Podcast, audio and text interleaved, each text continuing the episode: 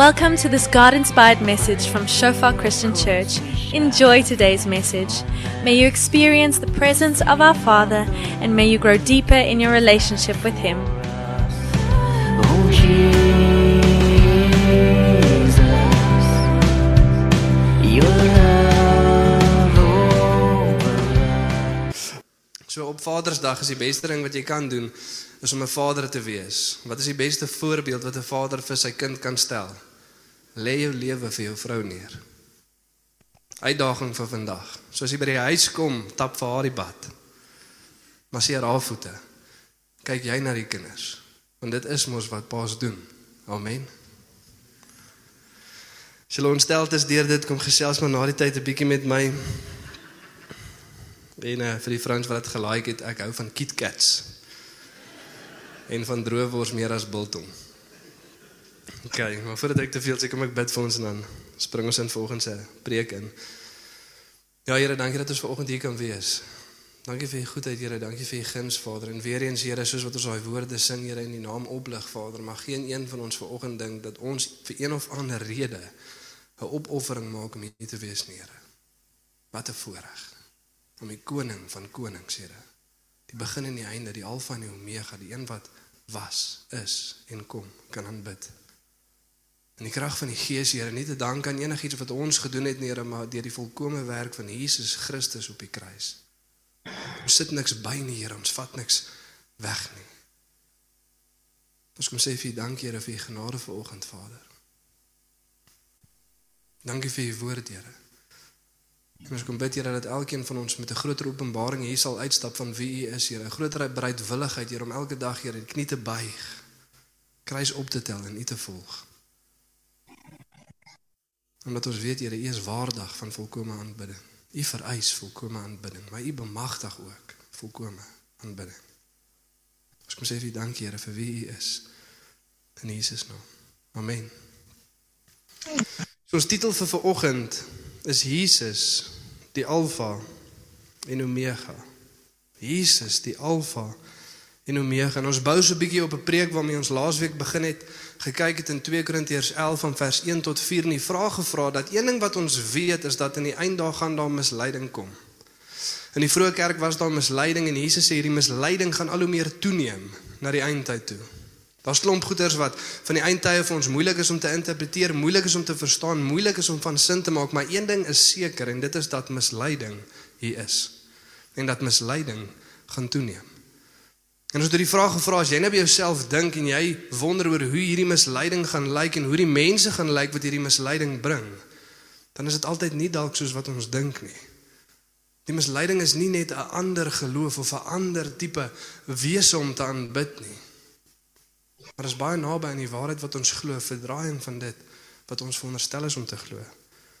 En ons het gesien hierso in 2 Korintiërs 11 vers 4 waar Paulus skryf want as iemand kom en 'n ander Jesus verkondig as wat ons verkondig het of as jy 'n ander gees ontvang as wat jy ontvang het of 'n ander evangelie as wat jy aangeneem het, laat julle dit goed geval. 'n Ander Jesus, 'n ander gees, 'n ander evangelie. Die persoon gaan kom en Jesus aan jou verkondig, maar dis 'n ander Jesus. Dit gaan nie evangelie wees, maar 'n ander evangelie, dit gaan nie gees wees, maar dis 'n ander gees. Die misleiding is nie so maklik om raak te sien nie. En toe sien ons ook in vers 13 tot 15 dat die wat kom, doen hulle self voor as werkers van geregtigheid. En geen wonder nie, want Satan homself vermom homself as 'n engel van die lig. Geen wonder dat sy werkers dan hulle self voordoen as werkers van ongeregtigheid, van geregtigheid nie. Jesus sê hulle gaan kom soos wolwe in skaapsklere op die oog af gaan dit nie so misleidend lyk nie. Sy titel gaan jou moontlik pastoor of dominee wees, profeet of apostel. En in ons dae val in die westerse wêreld is ons bietjie skrikkerig vir die profeet en die apostel. Is goed so. Maar pastoor en dominee. En hulle gaan kom mislei, dit gaan ander Jesus wees, ander evangelie, ander gees. Ons gaan in 'n gebou staan en mag dalk 'n kruis op wees en liedjies sing en prediking gebeur. Maar misleiding gaan kom. En op die som het ons gesê dat die vand wil die volgende kom verdraai. Die beeld van God, die persoon en werke van die Heilige Gees en die boodskap van die evangelie. Die beeld van God, die persoon en werke van die Heilige Gees in die boodskap van die evangelie. En die rede vir dit is want as ons weet wie Jesus is, as ons die gees van God het en ons verstaan die evangelie soos ons moet, dan het ons 'n onverdeelde en suiwere toewyding. Jy sien dit in die vroeë kerk. Hulle kon elke liewe ding na hulle kant toe gooi. Hulle kon vervolg, doodmaak, slaan, wegvat. Dit werk nie. Hulle bly toegewyd. Hoekom? Want hulle weet wie Jesus is. Hulle weet wat die evangelie is en hulle het die gees van God. En die skrif sê vir ons ons sal weet dat as ons hierdie ander Jesus, ander gees of ander evangelie begin aanvaar want ons toewyding aan Jesus sal onverdeeld nie meer wees nie, suiwer nie meer wees nie, al hoe meer verdeeld, al hoe minder suiwer. Ander goed voorkeur gee. En ons sal nie net God soek vir wie hy is nie, maar ook vir wat hy kan doen. Here, ek wil nie u hoofsaaklik dien nie, ek wil iets hê van u af. Dit is hoe ons weet. En vanoggend gaan ons fokus hoofsaaklik op Jesus, die beeld van God en om 'n paar miskonsepsies reg te stel wat ons in ons moderne tyd het. En ek wil graag fokus op drie volgende. Ons kan nie deur almal gaan nie. En dan sal ons hier wees tot die volgende 10 Vadersdae. Maar om op drie te fokus en om ook om iets net te sê vir oggend en ek wil hierdie stelling maak en ek sal dit verduidelik soos wat ek dit maak, maar almal hou van Jesus. Almal hou van Jesus totdat ons hom begin definieer. Almal hou van Jesus totdat ons hom begin definieer, totdat Jesus vir ons sê wie hy is. Dan raak dit nie meer lekker nie. Selfs die ateës hou van Jesus. Wat sê Jesus? Die een wat nie bestaan nie of die een wat nie God is nie. Kyk, geskiedkundig is dit 'n feit dat Jesus op hierdie aarde was, maar wie was hy? Dis die vraag. Maar almal hou van Jesus, die ateës ook. Net nie die Jesus wat God is nie. Moslems hou van Jesus. Mormons, Jehovah getuies, almal hou van Jesus.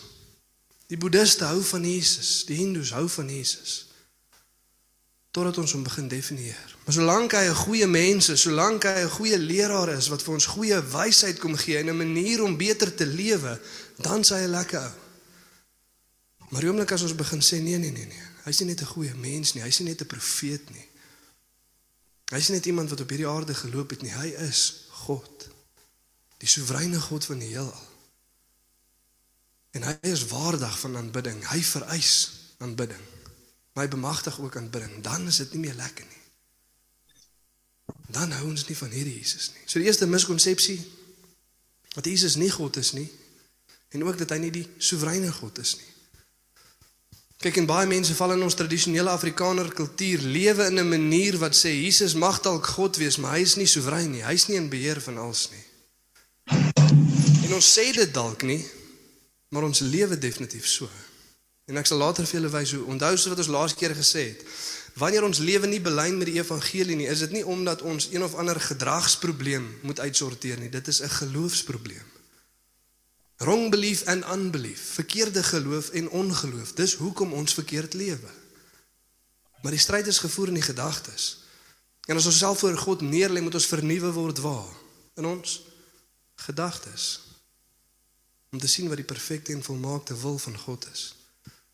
Maar is in ons gedagtes. So as ons verkeerd lewe, is dit omdat ons verkeerd glo. Dis hoekom ons doen wat ons doen. Soos een van daai ysblokke wat in die see lê. Onder die water is wat? Geloof en oortuiging, belief and conviction. Bo die oppervlak is wat? Aksie. Dit wat ons doen word gedryf deur wat ons werklik glo. En as jy regtig glo, 'n appel 'n dag hou die dokter weg. Saak is dit waar? En appels goed so. Die dokter sê is waar. Dan sal jy regtig 'n appel 'n dag eet. Hulle is 'n appel bietjie vrot, hulle is 'n bietjie pap. Maar appel sal geëet word. Sê hulle met my, want dit is wat jy glo. So dis die eerste een. Die tweede een. Jesus is God van wêreldse liefde. En die rede hoekom ek sê wêreldse liefde is want baie keer het ons hierdie idee dat en ons het al baie keer gehoor dat God is 'n God van liefde, né? Nee? En die probleem wat die moderne kerk het is ons fokus te veel op die liefde van God en te min op die heiligheid van God. Maar nie net is dit 'n mis fokus van die hele beeld van God nie, dis ook die verkeerde beeld van die liefde van God. Hoekom? Want dit is 'n heilige liefde. Dis nie dat die Vader net vir ons een deel van God uitlig nie, selfs die deel wat hy uitlig is verdraai. Wêreldse liefde. sien ons lees in Romeine 12 vers 9 dat laat liefde werklik wees. Let love be genuine soos wat die Engels sal sê. Haat wat boos is, hou vas aan wat goed is. Goddelike liefde haat dit wat boos is. 'n God wat nie jou sonde haat nie, kan jou nie van dit red nie. Is jy met my? As ek my seentjies werklik liefhet, moet ek haat dit wat hulle seermaak. Is jy met my? Goddelike liefde. Maar die God van wêreldse liefde en ons hoor goed soos hierdie Jesus wat gekom het. Hy het niemand aanstoot gegee nie. Hierdie Jesus wat gekom het, hy het niemand geoordeel nie. Hierdie Jesus vereis ook nie baie van ons nie. Hy sal niemand straf nie. Hierdie Jesus is 'n God van liefde. Hy gaan niemand hel toe stuur nie. Hy sal niemand straf nie. En hy vereis ook nie veel nie. Jy moet net vir hom jou hart gee. Kan iemand hierso gou vir my sê waar in die Nuwe Testament is die vers wat sê Jesus vra vir jou hart? Enigiemand? En ek dink die miskonsepsie kom in in Efesiërs 3 van vers 14 tot 21 waar Paulus vir die kerk bid vir geestelike krag. En hy sê vir hierdie rede buig ek my knie voor God die Vader van wie elke familie op die hemel en op die aarde genoem is, dat hy ons krag kan gee deur sy gees in ons innerlike wese dat Jesus deur geloof in ons hart kan woon. Maar dit sê nie Jesus vra vir jou hart nie. Dit sê hy woon wel in ons hart. Lukas 9:32, wat sê Jesus? Die wat my wil volg moet wat doen? Net vir my sy hart gee? Nee nee. Homself verloon, kruis optel, my volg daagliks. Net 'n Jesus wat jou hart wil hê. Jy kan maar aangaan soos wat jy aangaan, solank jy net een of ander tyd 'n gebed gebid het en vir Jesus gesê het, "Hier is my hart." Dan is jy gered. Mense wat ons al ken, soos wat die ouens ons sal noem Smiley Joe, Celestine. Op TV die Prosperity Gospel Preachers, bid net hierdie gebed. Bid gou agter my en ons glo as jy hierdie gebed gebid het, dan is jy nou wedergeboorte. Nee. Dis nie dit werk nie. Of weet julle al dalk hierdie ene gehoor? Jesus is die baie meer sagmoedige, liefdevolle, genadige God van die Nuwe Testament. Jy van daai in die Ou Testament was kwaai. Julle dit al gehoor? Gelukkig, gelukkig vir ons het hierdie sagmoedige, liefdevolle Jesus gekom. Wanneer in die Ou Testament was bietjie kwaai. Werk nie lekker so nie. En hierdie nuwe kyk in die Ou Testament het het daai God hulle deur moeilike tye laat gaan in ballingskap laat wegvoer, swaar tye beleef. Hulle was slawe in Egipte, maar hierdie nuwe Jesus, hy hy wil nie hê dat ons swaar moet kry nie. Hy wil nie hê dat ons vervolg moet word nie. Dis die nuwe liefdevolle Jesus van die Nuwe Testament. En soos wat ons nou gaan kyk na 'n stuk skrif wat sekere elemente van Jesus vir ons uitlig, is dit belangrik om te weet 'n basiese opsomming nie 'n volkomme een nie, maar 'n goeie een nietemin. As ons wil kyk na die waaragtige Jesus, die waaragtige evangelie die waaragtige gees van God, is daar drie goed. Hy moet waardig wees van volkomme toewyding en aanbidding. Enigiets minder as dit is nie die ware Jesus nie. Waardig van volkomme toewyding en aanbidding. Nie een van jou liefdes nie, jou eerste liefde. Nie een waar jy nou en dan aan toegewyd is nie, maar kompleet en totaal toegewy. Enigiets minder as dit is onaanvaarbaar. Waardig van totale toewyding, totale aanbidding. Die waaragtige Jesus moet ook totale aanbidding en totale toewyding vereis. Hoekom? Want hy is wie hy is. Dit kan geen ander manier wees nie. Die heilige God van die heelal. Derdens moet hy ook volkomme toewyding en aanbidding bemagtig. Hy vra nie vir ons om iets te doen wat ons nie kan doen nie. Hy bemagtig ons in daai toewyding en in daai aanbidding. So kom ons lees lekker saam volgend. Openbaring 1 van vers 4 tot 8. Johannes aan die sewe gemeentes in Asië, genade vir julle en vrede van hom wat is en wat was en wat kom. En van die sewe geeste wat voor sy troon is. En van Jesus Christus die betroubare getuie die eerste wat uit die dood opgestaan het en wat heers oor die konings van die aarde. Aan hom wat ons liefhet en ons deur sy bloed van ons sonde verlos het. En ons laat deel in sy koninklike regering Aan hom wat ons priesters vir God sy Vader gemaak het. Aan hom behoort die heerlikheid en die krag vir ewig en altyd. Amen. Kyk, hy kom met die wolke. Elke oog sal hom sien, ook hulle wat hom deurboor het. Al die nasies op die aarde sal jammerlik oor hom huil. Ja, amen. Ek is die Alfa en die Omega, sê die Here God, wat is, wat was en wat kom, die Almagtige. Dit is die skrif. Net om te verduidelik soos wat ons hierdeur gaan dat ons kan nie weer eens volkome na elke liewe aspek van Jesus kyk nie anders dan gaan ons letterlik hier wees vir ewig. Maar soos wat ons in self sê en soos ons in kerk sê, soos ons baie keer begin met self, wie raai wat is die topik van vandag? Jesus. En hopelik bly dit altyd die topik. As ons 'n dag hier instap en dis nie die topik nie, kan ons maar huis toe gaan. Amen. En baie keer fokus ons op die evangelie van Jesus en baie keer fokus ons op die gees van Jesus en baie keer op die persoon van Jesus en baie keer hoe ons moet reageer teenoor die persoon van Jesus, maar dit alles gaan oor Jesus. Maar selfs as ons sulke beelde van Jesus wat uitgelig word soos hierso in Daniël 10, Openbaring 4, Openbaring 19, as ons net na daai beelde moet kyk, sal ons self hier bly sit vir ewig. So kom ons kyk na dit wat ons hieruit kan leer in lig van 'n paar mispersepsies wat ons in vandag se tyd het. Kom ons gaan deur om vers vir vers. Johannes 4. Johannes aan die sewe gemeentes in Asië. En net om hierso vir ons te verduidelik, Openbaring is 'n interessante boek. Dit word bietjie anders in sekere areas geïnterpreteer as die res van skrif. Die wat nou in Bybelskool was, weet dat daar's sekere genres in die Bybel. Jy interpreteer nie elkeen presies dieselfde nie. Jy het general hermeneutics. Hermeneutics is the art and science of interpreting scripture. General is die grootste deel van die Bybel. Geskiedkundige feit, die Bybel, narrative, storie wat vertel word. En ons interpreteer dit meestal dieselfde. Maar dan kry jy die gelykenisse van Jesus.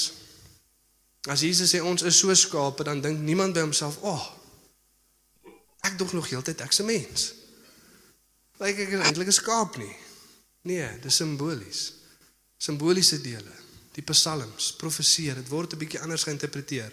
Die Openbaring is nogal 'n redelike letterlike boek, maar daar's baie simboliek in dit en baie van dit is die nommers wat jy sal sien. Een van die nommers wat hier so belangrik is 7. 7 is nie 'n letterlike 7 nie, dis die syfer van volmaaktheid. Aan God se kant, 10 die syfer van volmaaktheid aan die vyand se kant. So as die mense lyding gaan deurgaan vir 10 dae, beteken dit nie, "Ag, oh, Jesusie, Dis lekker. Jy weet hierdie Jesus laat jou net vir 10 dae getoes word en dan kan jy maar aangaan. Nee, dis net 'n nommer van volmaaktheid. Sewe weer aan God se kant 'n nommer van volmaaktheid. So hy sê nie hy skryf net hier aan sewe kerke nie, maar hy sê hy skryf in die kerk in geheel. Nommer van volmaaktheid. Daar was meer as sewe kerke in Asië en daar sekere punte wat opgelig kan word soos wat hy vir die kerke skryf van van hoofstuk 2 af, maar hy praat met die hele kerk. Hy praat met die hele kerk. Aan die einde van elkeen van daai stukke wat hulle aan hierdie sewe kerke skryf, dan sê dit laat elkeen wat kan hoor hoor wat sê die Gees vir die kerk.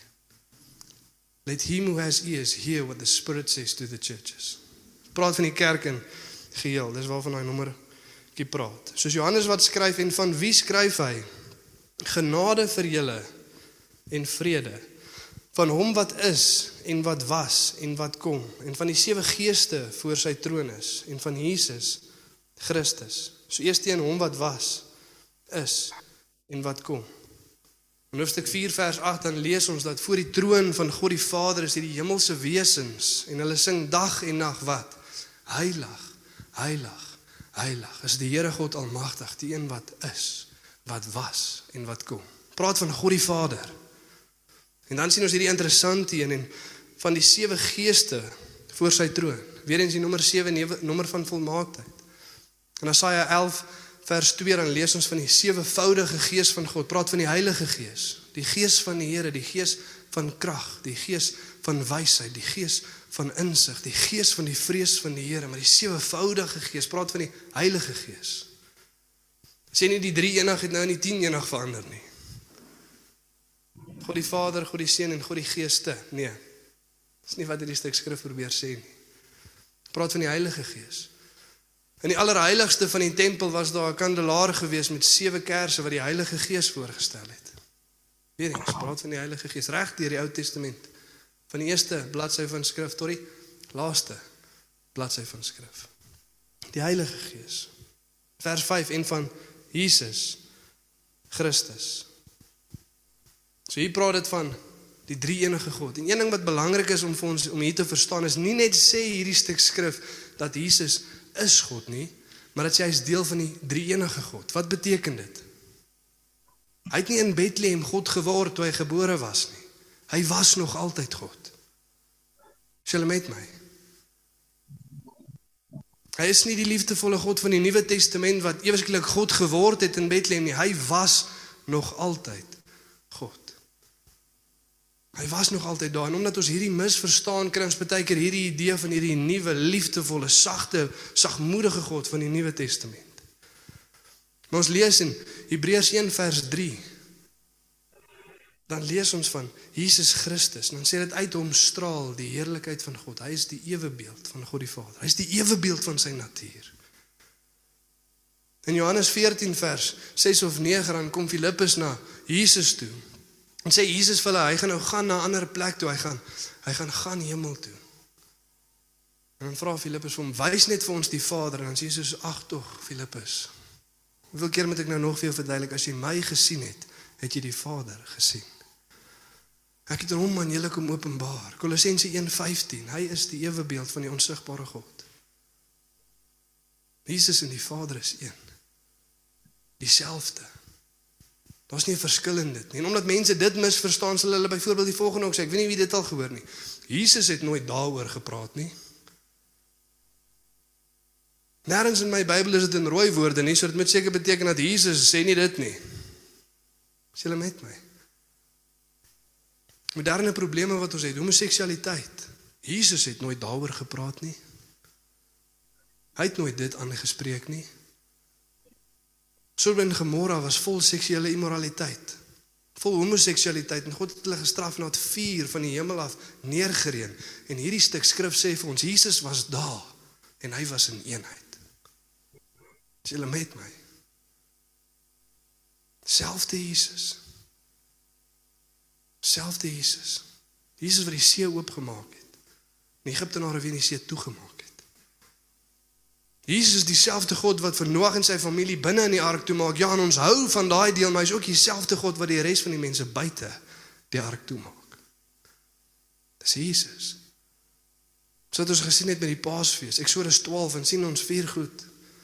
Oordeel, liefde, verlossing en geloof. Die kruisiging van Jesus wat na die Paasfees toe wys, dan sien ons nie die oordeel val op Jesus en op niemand anders nie. Hoekom is die oordeel nou weg? Nee, nee, nee. Die oordeel is uitgestel. En ons lewe in 'n tyd van genade, maar elkeen wat homself nie bedek deur die bloed van die lam nie, sal nog steeds geoordeel word, selfde God. Selfde God wat presies dieselfde werk. Hy sal nie net straf nie, hy gaan eendag. Is nie nou net sagmoedige Jesus nie. Matteus 11 ons almal hou van die stuk skrif kom na my toe, almal wat moeg en oorlaai is. Daai stuk skrif begin in vers 25 en sê en in daai tyd het Jesus die volgende gesê. En toe het Jesus die volgende gesê. En daai stuk skrif begin met 'n prentjie van Johannes die Doper en van Jesus en hy sê hierdie geslag, hierdie generasie is met niks tevrede nie. Johannes die Doper het gekom in 'n manier jy sê hy is 'n demoon, hy het 'n demoon en hy's mal. Die seun van die mense het op 'n sekere manier gekom en jy sê hulle hy sit sy plap en hy kuier soms sonder. Hulle is met niks tevrede nie. En dan begin dit in vers 20. Dan bestraf hy die stede wat nie hulle self bekeer het nie. Hulle wat nie bekeer het nie, dit sal meer draagbaar wees vir Sodom en Gomorra op die oordeelsdag, want as die werke wat in hulle gedoen was, in hulle gedoen was, het hulle self lankal bekeer. En in daai konteks Jesus kom na my toe, almal wat moeg en oorlaai is. Hoekom is jy oorlaai oor die sonde van die mense buite jou? Nee. Die sonde binne in jou. Die boosheid wat ek self aanvang. Die goed wat ek doen en volg wat ek nie veronderstel is om te doen en volg nie. Dit is wat my uitput. En Jesus sê kom na my toe hoe? Net om my hart vir hom te gee. Nee. Bely jou sonde en bekeer. Dis ons na Jesus toe kom. Dis die las wat ons moet neerlê. En net hieso is Jesus klaar waardig van volkomme toewyding en aanbidding. Hy is God. Hy was nog altyd God en hy sal nog altyd God wees. Amen. Waardig van ons aanbidding. En dan sê dit en van Jesus Christus die getroue getuie, die eerste wat uit die dood opgestaan het en wat heers oor die konings van die aarde. Wat beteken die getroue getuie? Hy is die een wat God getrou aan ons openbaar, the faithful witness. Daar gaan baie ander kom en hulle is nie getrou nie, maar as jy wil sien wie God werklik is, dan kyk jy na Jesus Christus en jy luister na sy woorde. Dis hoekom dit so belangrik is om weer en weer en weer en weer terug te gaan skrif toe. Sorg dat jy nie mislei word nie. Lees die woorde van die getroue getuie. Amen. Hy is die een wat die Vader getrou aan ons openbaar. En nie net is hy die een wat die Vader getrou aan ons openbaar nie, hy is ook die een wat ons getrou aan die Vader voorstel. Die getroue getuie gebore onder die wet, maar ook die enigste een wat die wet kon hou. Die enigste een sonder sonde, die enigste een wat die volmaakte prys kan betaal. So nie net wys hy vir ons wie God is nie, hy is volkomme God. Nie net wys hy vir God wie ons is nie, hy is ook volkomme mens. Sonder sonde, perfek vir altyd. Ek en Stefan staan agter en nou praat ons net van die gees wat Jesus in die woestyn inlei in Lukas 4 om deur die duiwel versoek te word. Hoekom? Sodat hy waar Adam en Eva misluk het kan gaan oorwin. Die getroue getuie wat in elke liewe area waar ons kort skiet, nie kort skiet nie.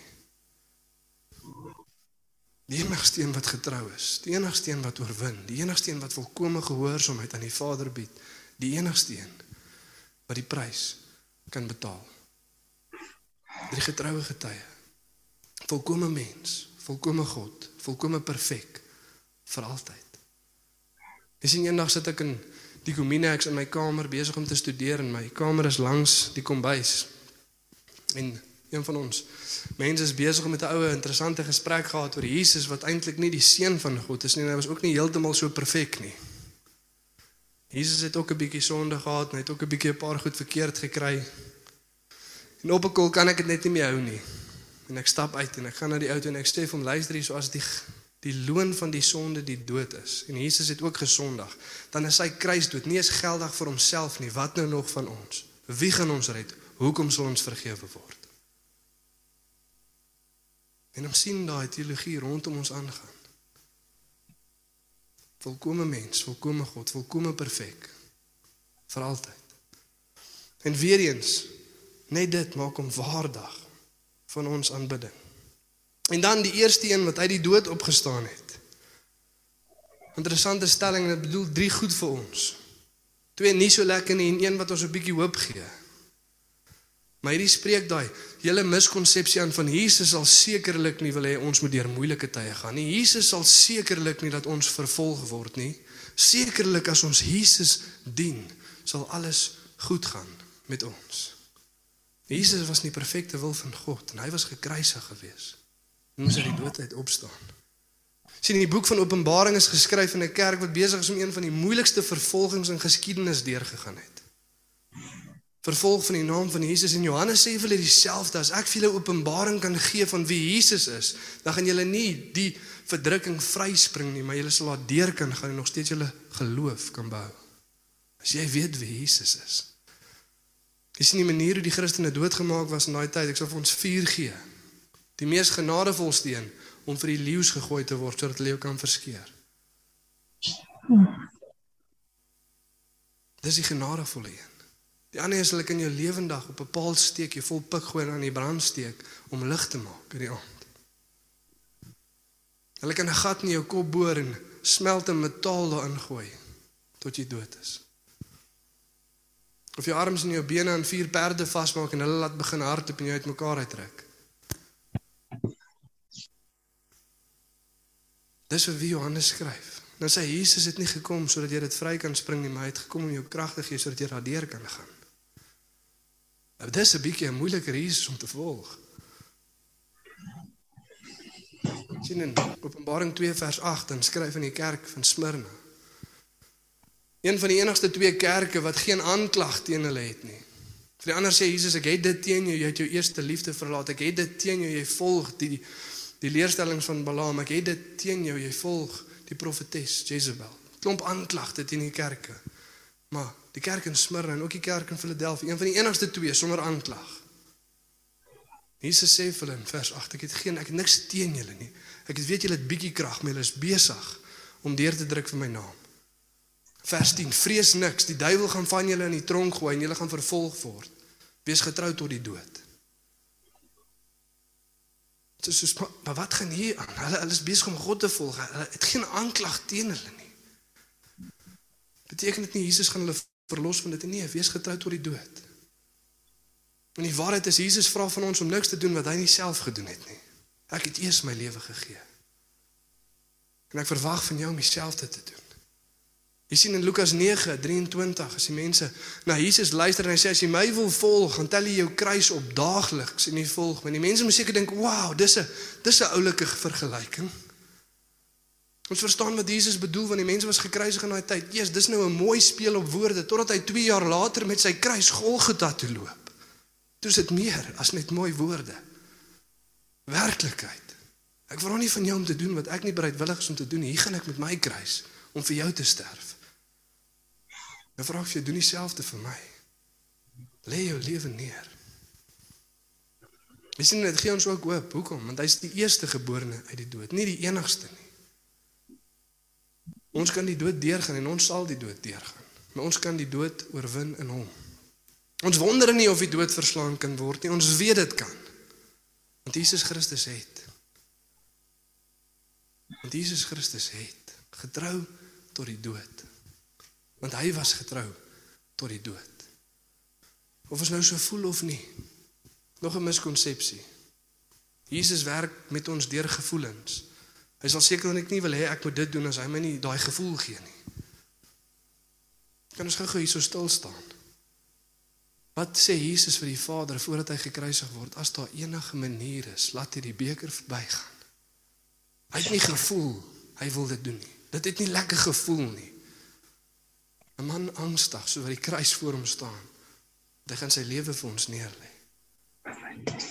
En Jesus sê in lig van dit wees getrou tot die dood.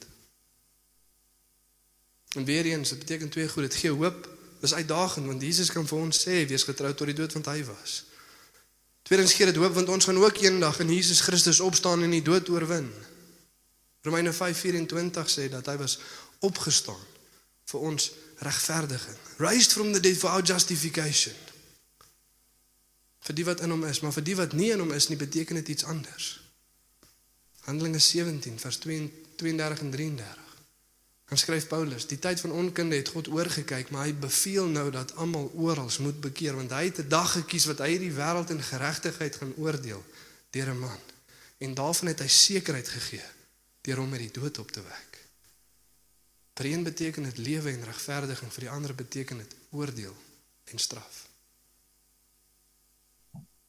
Die opstanding van Jesus. En weer eens is hy ons toewyding en ons aanbidding waardig, die een wat die dood vir ons oorwin het. Waardig vir ons toewyding, waardig van ons aanbidding. En dan en wat heers oor die konings van die aarde. Die soewereine Jesus. Nie die magdal kan miskien so bietjie soewerein wees as wat ons in ons dag daaraan dink nie.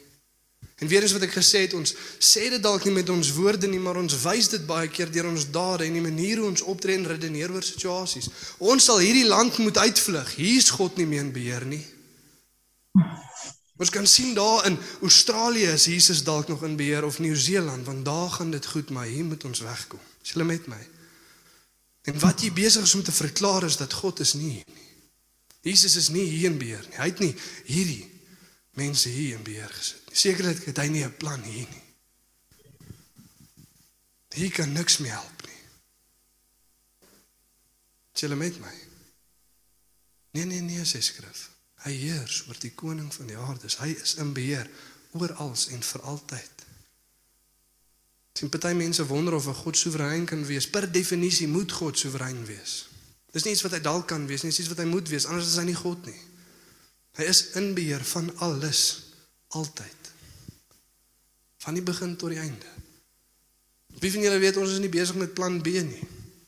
Party mense soos half wees God het daai Genesis idee gehad van die paradys, maar dit het nie lekker gewerk nie. En nou plan B sou al van aksie geskop en hy red ons sodat ons eendag weer terug kan gaan paradys toe. Nee. Openbaring sê dat Jesus Christus was gekruisig voor die fondasie van die aarde gelê was. Die God het geweet hy gaan sy seun stuur. Hierdie is nie plan B nie. Hierdie is plan A. Dan wonder ons baie keer hoekom kan dit so wees? Wat is ons veronderstel om te leer in hierdie gemors? As ons God in sy volheid wil ken, is daar sekere goed wat ons net hierdie kant van ewigheid kan leer. Jy gaan in die hemel nie die God kan leer ken wat jou vertroos as iemand sterf nie, want niemand gaan sterf nie. Jy gaan nie die God kan leer ken wat jou beskerm van die bose nie, want daar gaan geen bose wees nie. Jy gaan nie die God ken wat jou voorsien terwyl alles anders uitmekaar uitval nie, want niks gaan uitmekaar uitval nie. Is jy met my? Hmm. God in sy volheid te ken, moet ons deurgaan waar ons deurgaan sodat hy die glorie kan kry en sodat ons kan sien wie hy is. Hmm. Amen. Maar die God wat heers oor die wêreld. En baie keer wat vir my interessant is, is een van ons eerste verskonings omdat ons nie volkome toegewyd en volkome aanbidding vir Jesus kan gee nie, is want ons is besig. En hoekom is ons so besig? Nee, die wêreld vereis dit. Ek moet daai ekstra ure insit, ek moet daai ekstra werk doen want wie gaan vir my voorsien? Jy lewe asof Jesus nie soewerein is nie. Jy lewe asof Jesus nie soewerein is nie. Kyk die inflasie, kyk wat gaan aan met die land. Ek sal bietjie meer moet doen. En ek weet ek gaan 'n klomp goed afskeep wat God vir my gevra het om te doen. Nee, nee, nee, nee. Jy lewe asof God nie soewerein is nie. Matteus 6:33, stuk skrif wat ons almal ken. Soek eers die koninkryk van God en sy geregtigheid en al hierdie goed sal toegevoeg word. Die een ding wat Jesus uitdruklik uitlig om nie jou toewyding te verslap nie is dat hy sal voorsien. Die eerste ding wat ons normaalweg ons toewyding laat verslap.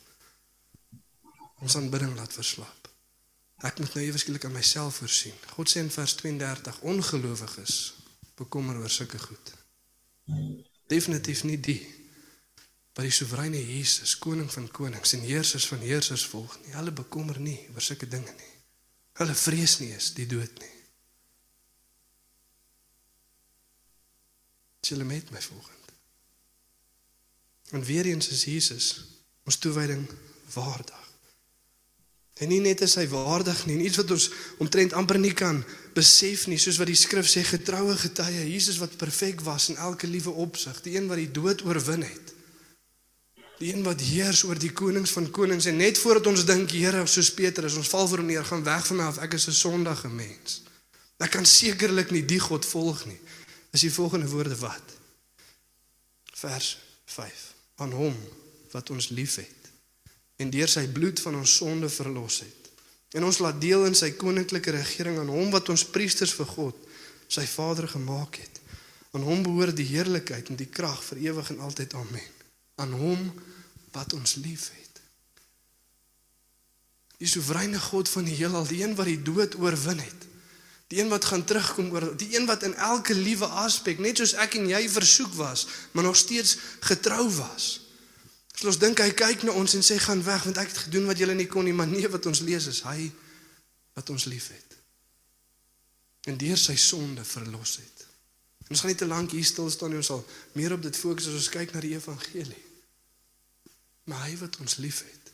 Sien nou bemagtig hy ook my aanbidding. Paulus skryf in 2 Korintiërs 5:14 die liefde van Christus dring ons. Die feit dat hy my liefhet, hierdie God, hoe kan ek hom nie aanbid nie? Hoe kan ek hom nie volg nie? Maar dit wek iets in my op wat my lewe vir hom wil neerlê. En hy wat ons liefhet.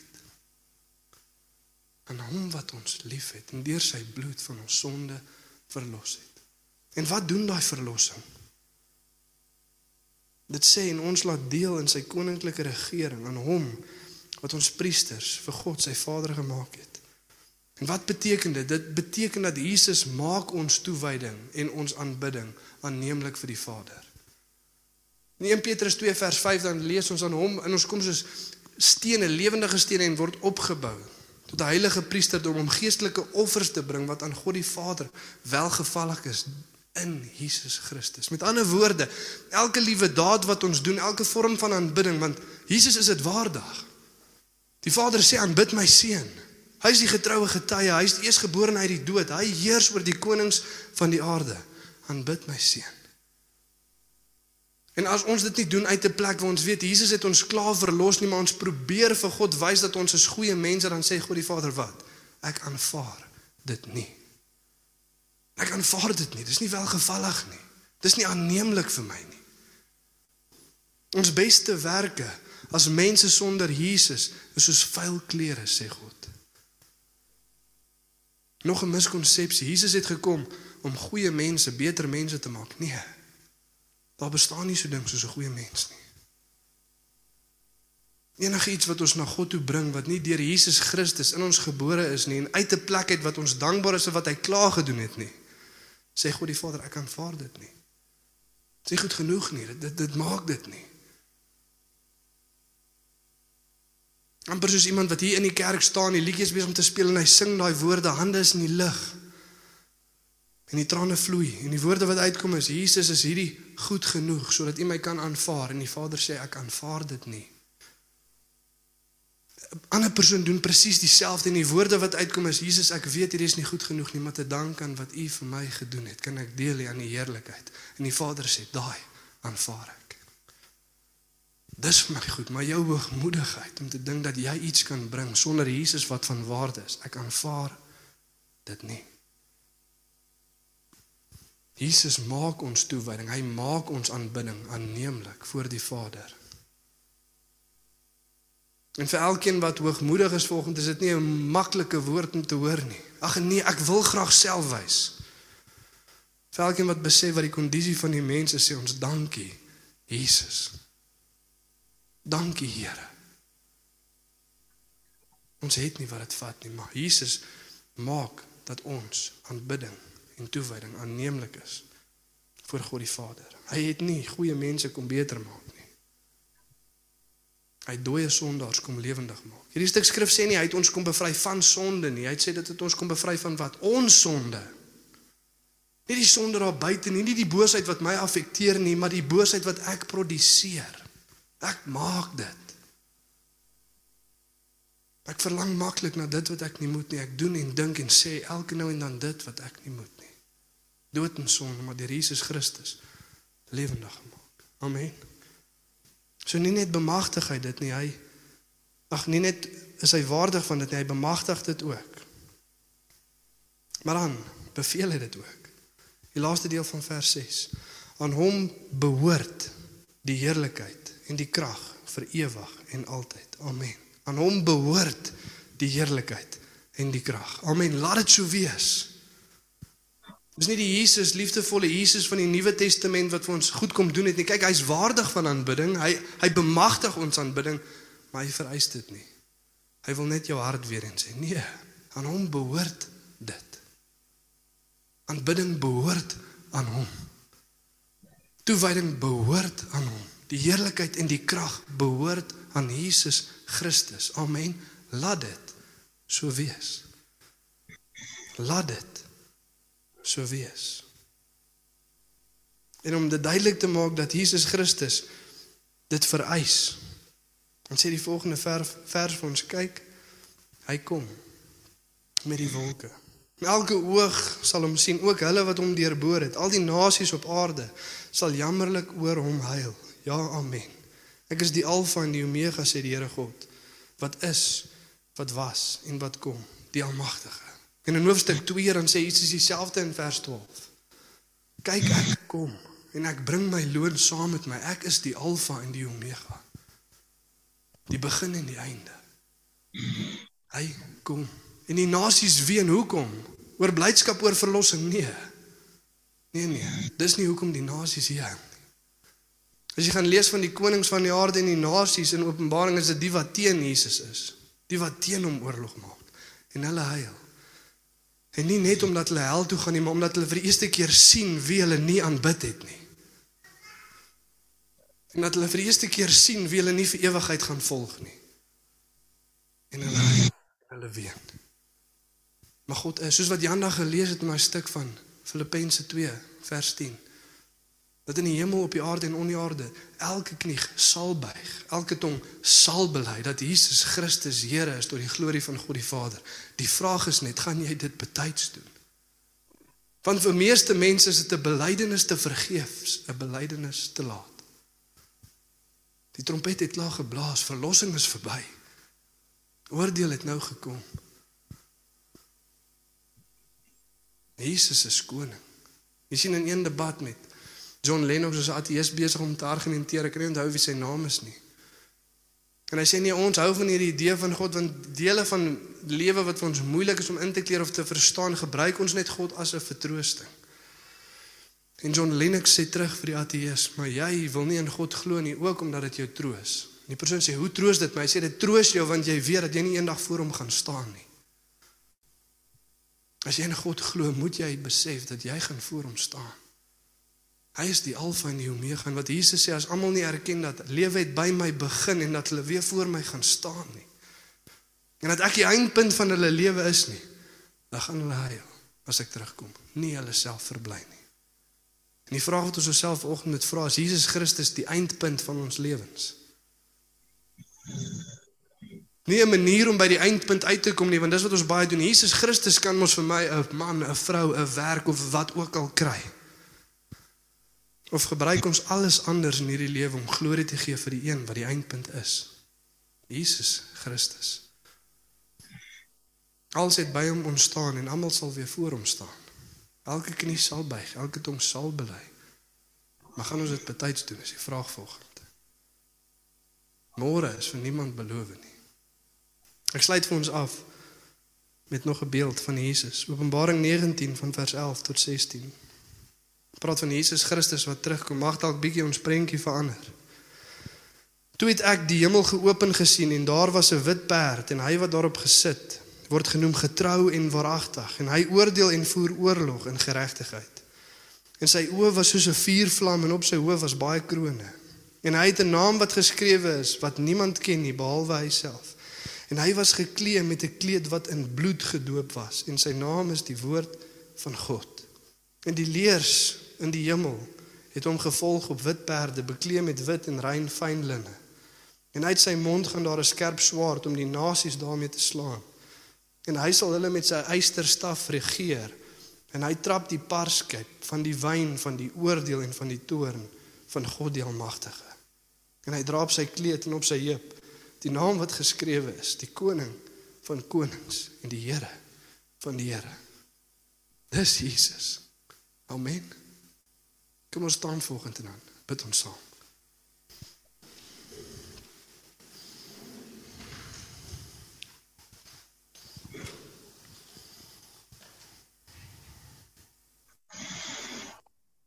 Ja, Here, dankie dat ons vanoggend voor U kan kom buig, Here.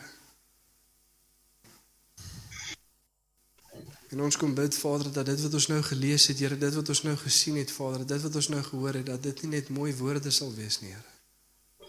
Heilige Gees, dat U dit sal kom openbaar.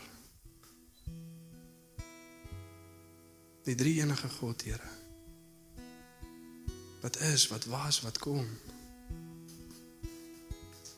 En dankie Here dat U kom Vader en 'n beeld kom hernuwe Vader. Partykeer het ons hierdie idee Vader van hierdie sagmoedige wêreldse liefde. Emosie gedrewe Jesus. Maar hy sê nee Here, as U kom Here, dan skyn U oë van vuur. My kleed gedoop in bloed. En dit wat U bring Here is nie genade en liefde nie, maar die oordeel en toorn van God die Almagtige. En vanoggend Here vir elkeen wat hier so staan, Here, mag ons die knie betyds buig, Here. Mag ons tonge betyds bely dat Jesus Christus is koning. Eerstens, Here, want U is waardig, Vader. U verdien niks minder nie. Een wat in elke area, Here, waar ons kort geskied het, getrou was, die getroue getuie. Die een wat die dood vir ons oorwin het, die eersgeborene uit die dood. En wat van ons ook kan verwag, lê jou lewe neer, wees getrou tot die dood. Die heerser van die konings van die wêreld, Here. Soewereine Jesus, en beheer van ons. U is waardig. Maar nie net is U waardig, Here, nie, U bemagtig dit vir hom wat ons liefhet, Here. En vir elkeen wat vanoggend hier staan, Vader, en dit nie kan voel nie, Here, sê jy dit is nie oor gevoel nie. As jy wonder of ek jou liefhet, kyk na die kruis kyk na my seun. Ek het jou lief. En ek het my lewe vir jou gegee. En vanoggend sê ons Here, ons wil nie 'n oulike gebed bid wat ons harte vir U gee nie, Here. Nee, ons lê ons lewens neer. En ons kom vra Here, kom wys vir ons elke liewe area in ons lewe, Here, waar ons nou nie toegewyd is nie. Elke area van die lewe waar ons nie U aanbid soos wat ons moet nie. En mag die resultaat nie wees Here ons wat dit self wil gaan uitfigure nie, maar mag ons nader tot die een wat homself vir ons neergelê het. Die een wat ons laat deel in sy koninklike regering. Die een wat ons heilige priesterdom maak.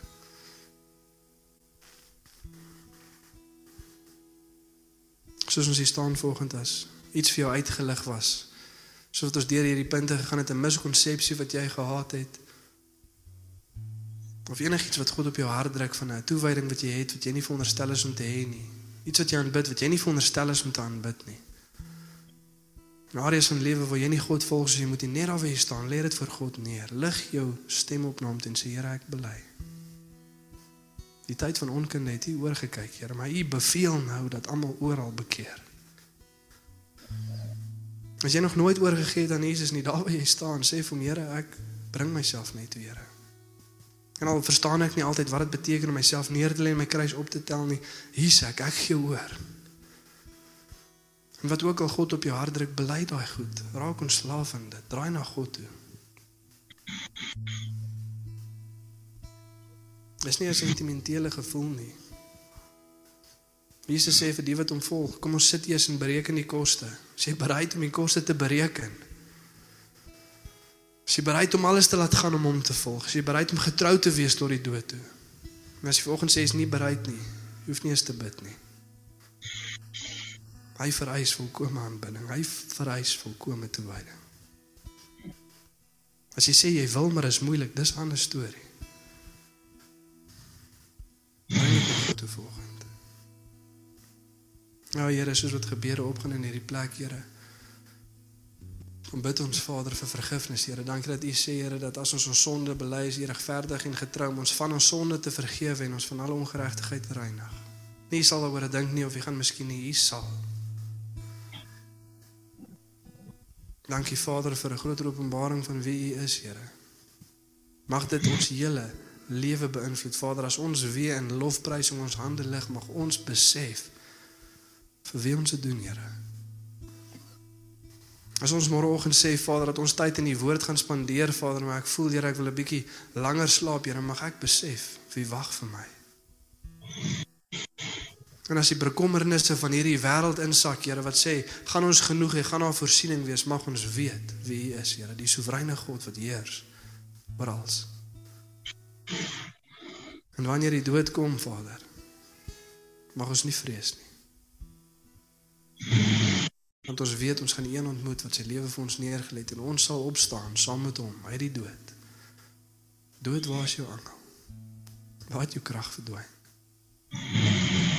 Dankie Jesus vir u goedheid. Dankie Heilige Gees vir u teenwoordigheid. Dankie Vader vir u perfekte wil. In Jesus naam. Amen.